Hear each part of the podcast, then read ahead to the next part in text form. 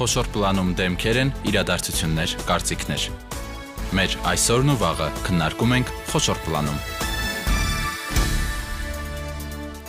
Բարի երեկո, դուք միացել եք Հանրային ռադիո երիտասարդական ալիքին։ Իմ ռադիոն շարունակում է յուրաքանչյուր 5 շաբթի խոշոր պլանում կրթությանն առնչվող թեմաներ քննարկել։ Գաղտնիք չէ, որ մեր կրթական համակարգում մասնագիտական կողմնորոշման խնդիրը չափազանց արդիական է եւ պատանիներին դեռևս աշակերտական սեղանից մասնագիտություն ընտրելու հարցում շատ անելիքներ կան եւ ահա բոլոր այն աշակերտների համար, որոնք հետաքրքրված են նորագույն տեխնոլոգիաներով, ընդհանրապես բնական գիտություններով, հետաքրքիր ծրագիր է մշակել Հայաստանի գիտության եւ տեխնոլոգիաների տեխնոլոգիաների հիմնադրամը կրթության, գիտության, մշակույթի եւ սպորտի նախարարության հետ համատեղ այն կոչվում է արհեստական բանականության սերունդ, որի շնորհիվ աշակերտները կկարողանան ուսումնասիրել եւ ծանոթանալ արհեստական բանականության հետաքրքիր ու բարդ աշխարհին։ Այս թեմայի մասին այսօր զրուցելու ենք մեր տաղավարում Անուշ Այվազյանն է, Ֆաստի կրթական ծրագրերի ղեկավար։ Անուշ, բարև ձեզ։ Բարև ձեզ։ Բարի գալուստ իմ ռադիոյի տաղավար։ Շնորհակալ եմ, որ ընդունեցիք մեր հրավերը։ Արհեստական բանականության սերունդ բավականին հետաքրքիր է հնչում ծրագրի անվանումը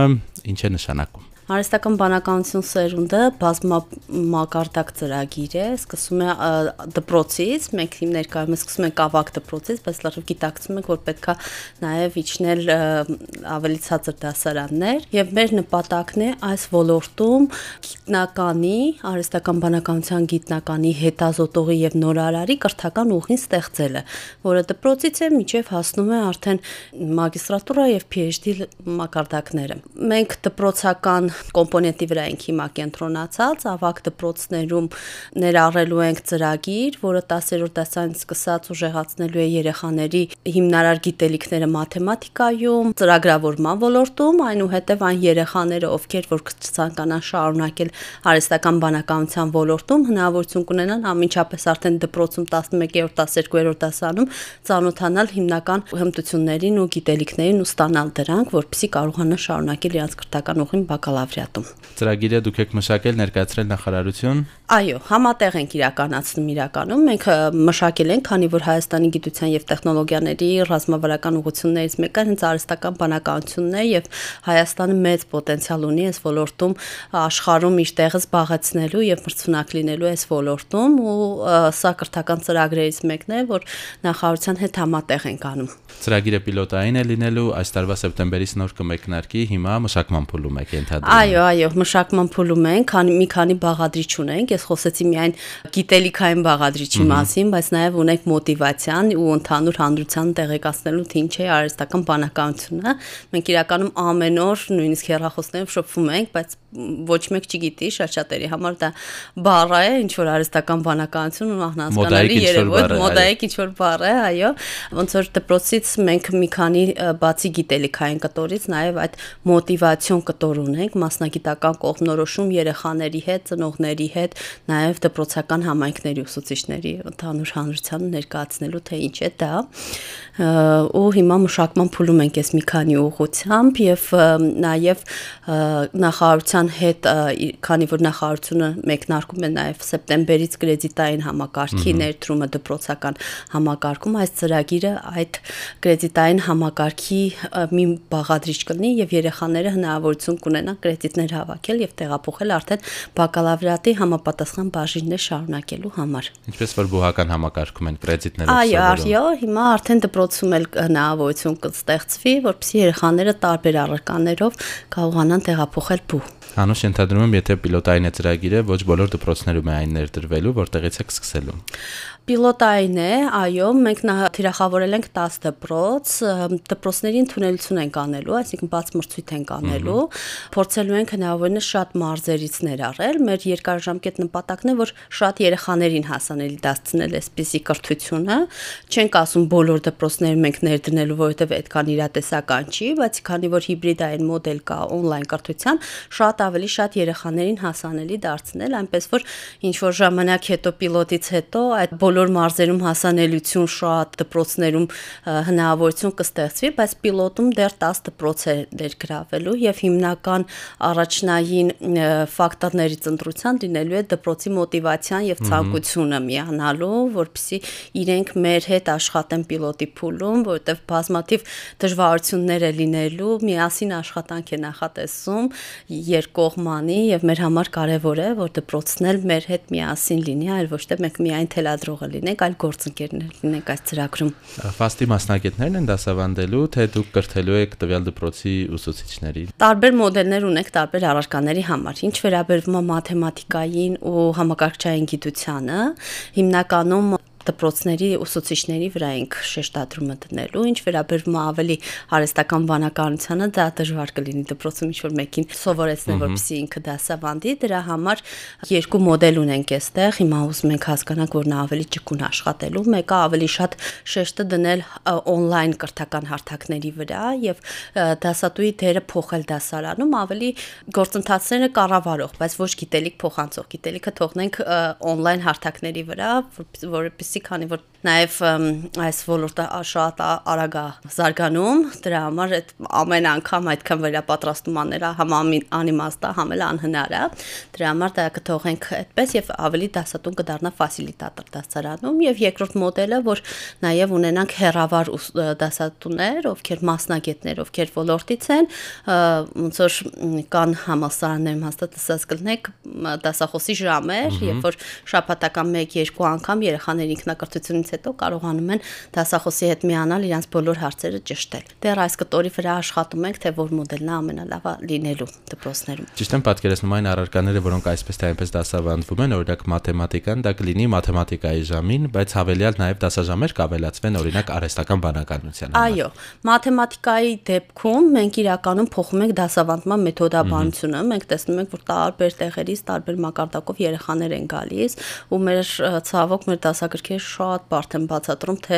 ցանկացած գաղափար կամ շատ բարձր բառերով եւ դժվար բովանդակությամբ մենք փորձում ենք աշխատել։ Որպես հումանիտար փաստում եմ, որ մաթեմատիկան շատ դժվար է բացատրել։ Հա, ու շատ-շատերը հիասթափվում են, իհարկե հիասթափությունը 10-րդ դասամ արդեն շատ ուշ է լինում, ինքը սկսում է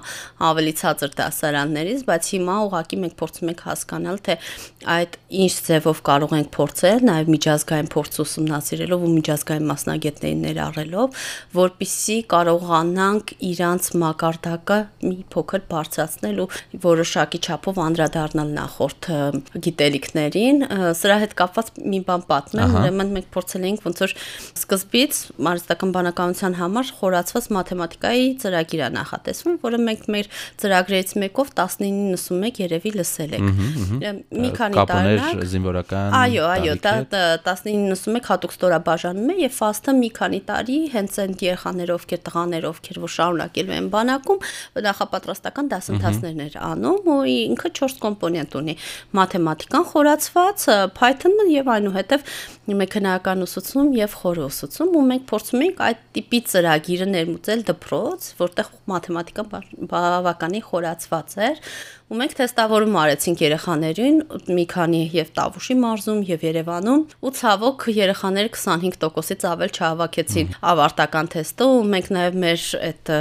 1991-ի արդյունքներով ենք միշտ տեսնում որ մի քանի լավագույն դպրոցներից են դիմորդները ընդհանուր լավագույն մաթեմատիկայի կրթությունը հասանելի չի ամբողջ Հայաստանով ու դրա համար մենք որոշեցինք որ մի դասարան էլ հետ կգնանք 10-ից կսկսենք ու այդ հիմքը կստեղծենք կփորձենք 10-ում փորձենք լավագույն կրթությունը ապահովել ավելի բաց հասանելի դարձնել շատերին, որպեսզի իրենք ուժեղանան։ Գուցե բոլորը չեն գնա արհեստական բանականություն։ Արհեստական բանականություն թիրախավորվում է մինչև 10% երեխաների, բայց այնտեղ բազմաթիվ ուղություններ կան, որոնք այս մաթեմատիկայի եւ ծրագրավորման հիմքով առաջ են եկել, դա ռոբոտիկան, cyber security-ն կամ կիբերանվտանգությունը, մի շարք ուղություններ, որոնք արհեստական բանականություն զատ են, բայց նաեւ նույն գիտելիքն են պահանջում։ Մաթեմատիկա, արհեստական բանականության դաս կա այլ դասընթաց, որ պետք է էլի սկսվի դպրոցներում, թե այս երկու դասաժամի մեջ ենք տեղավորվել։ Դեռ ինչպես ասեցի, ոնց որ մենք հիմնականում արհեստական բանականության ուղղությունն ենք վերցրել, բայց մենք մեր գործընկերների հետ համատեղ նախատեսում ենք նաև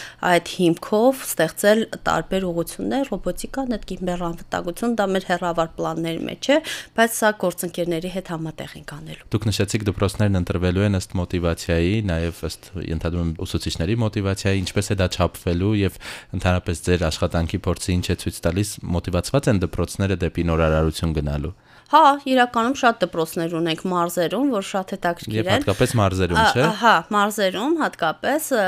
տարօրինակաբար հիմա արդեն դպրոցներն են մեզ follow-up անում, շարունակ զանգում, երբ ենք սկսելու աշխատանքները, ու դա շատ ողջևորիչ է։ Մի երկու դպրոցի հետ նախորդ տարվա վերջ խոսել էինք ու արդեն հիմա իրանք են մեզ զանգում, երբ ենք սկսելու աշխատանքները։ Դա շատ ողջունելի է, ունենք շատ լավ ուսուցիչներ, շատ լավ տնօրեններ, ովքեր պատրաստ են նորարարությունների, իրենց դպրոցի զարգացման ու հանուն երեխեքի լավ ծրագրեր ներգրավելու ու հետաքրքիր ծրագրեր իրականացնելու դպրոցում։ Անուշ տեսեք, մենք խոսում ենք 21-րդ դարը տեխնոլոգիաների դար է, ծրագրավորումը պահանջված մասնագիտություն է, բայց այն մարդիկ, ովքեր լավ չեն պատկերացնում այդ ոլորտը, ամեն ինչ մեկ բառով ծրագրավորում են անվանում, սա ամբողջովին այլ բան է, եթե փորձենք մի քիչ ավելի մասնագիտորեն բացատրել ինչ է արհեստական բանականությունը։ Ահա, իրականում ուրիշ բան է։ Ես ինքս ինքս անձամբ մասնագետ չեմ, բայց ընդհանուր ոնց որ ինքը եւ շատ լավ մաթեմատիկա է պահանջում եւ Python ծրագրավորում եւ ալգորիթմիկ մտածողություն, սա այն է, երբ որ դու ինքդ արդեն համակարգչային տվյալների բազան ուսումնասիրելով համակարգչին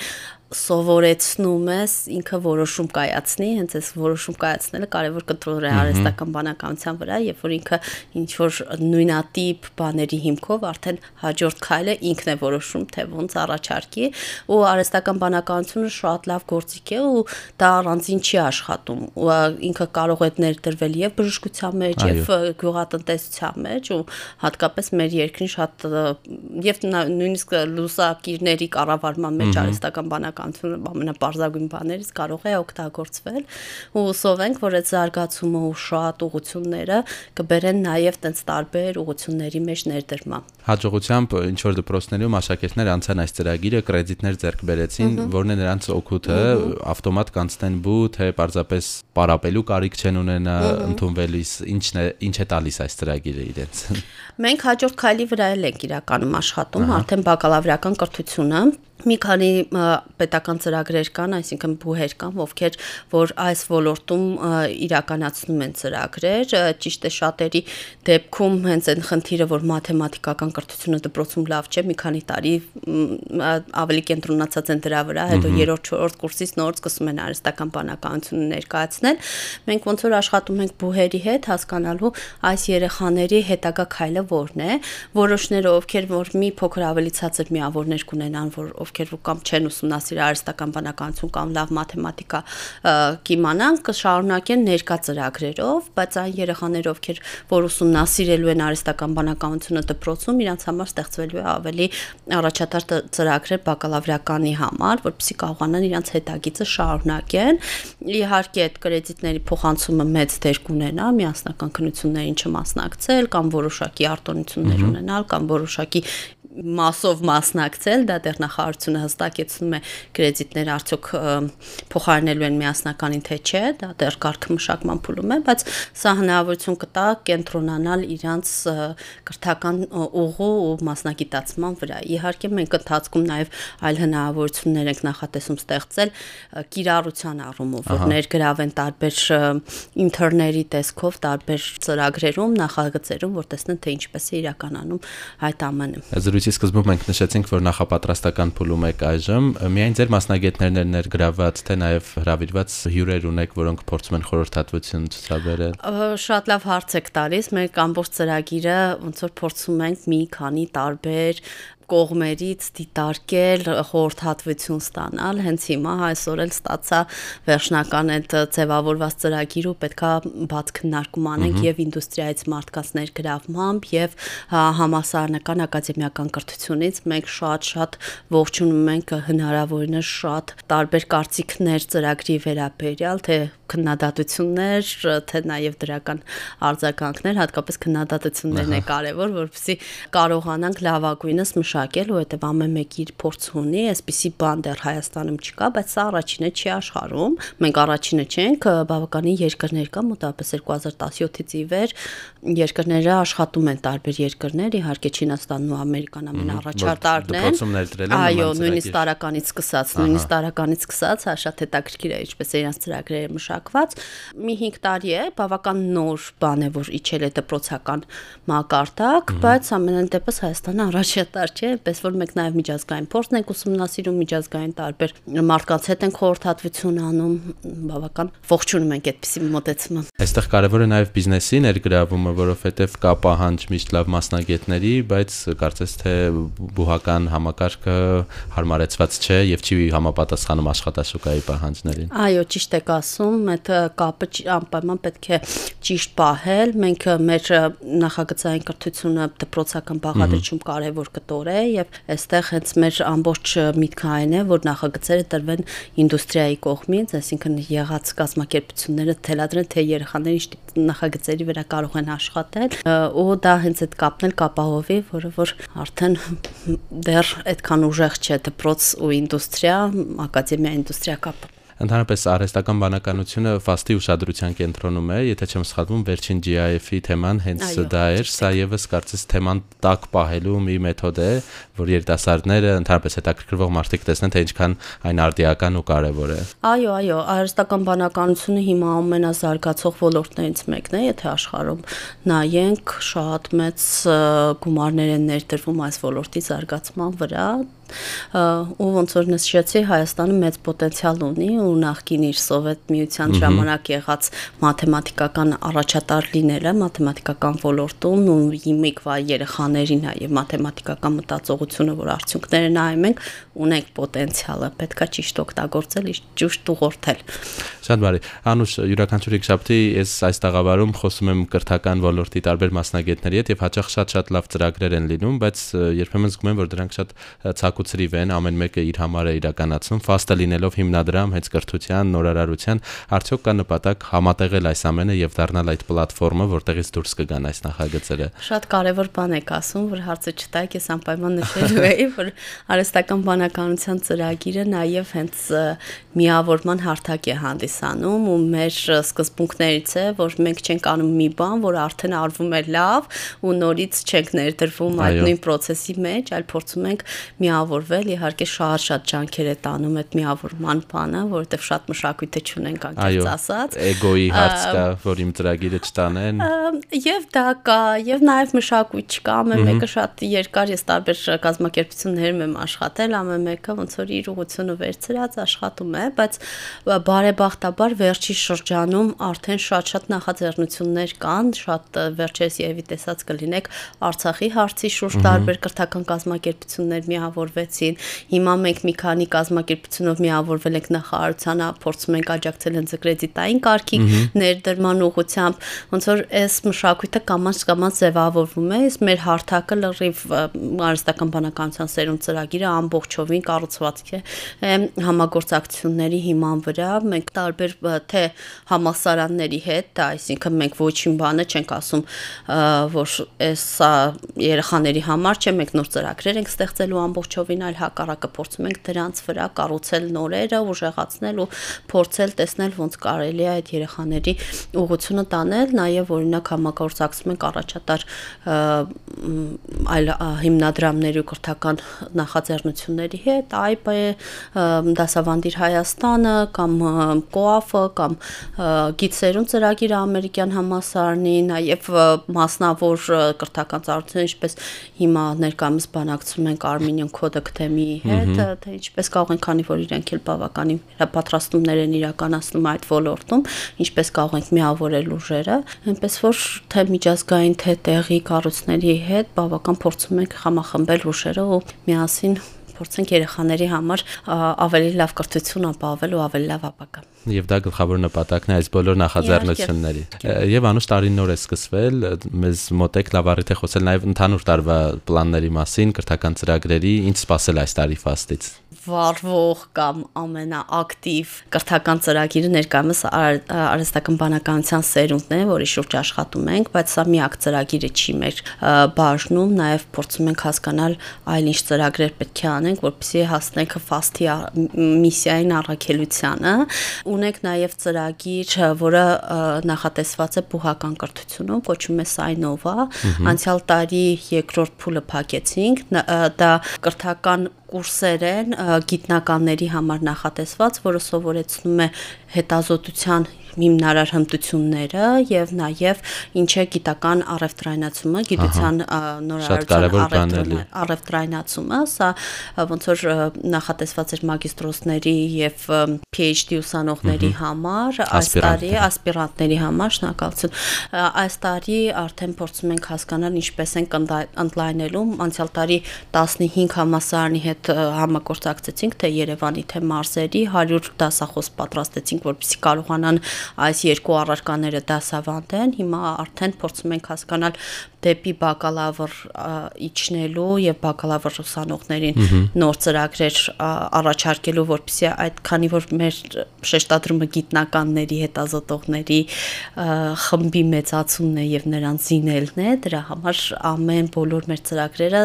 դրա շուրջ են կառուցված ու սա էլ, սա էլ ավելի հմտություն ու գիտելիք է տալիս արդեն փոխական կրթությունում։ Շատ բարի անուշ, հաջողություն ենք ձեզ մաղթում ձեր բոլոր ծրագրերի իրականացման ճանապարհին եւ հուսանք, որ արհեստական բանականության սերունդն էլ հաջողությամբ կմեկնարկի ու դեռ առիթներ կունենանք մեր տաղավարում դրա արդյունքների մասին խոսելու։ Շատ շնորհակալություն հետաքրքիր զրույցի համար։ Ես հիշեցնեմ, որ այսօր մեր տաղավարում էր Ֆաստի կրթական ծրագրերի ղեկավար Անուշ Այվազյանը, նրա հետ զրուցեց Սևակ Հակոբյանը, մենք եթեր կվերադառնանք հաջորդ 5 շաբթի, առողջ եղեք։ Խոսոր պլան իմ ռադիոյի եթերում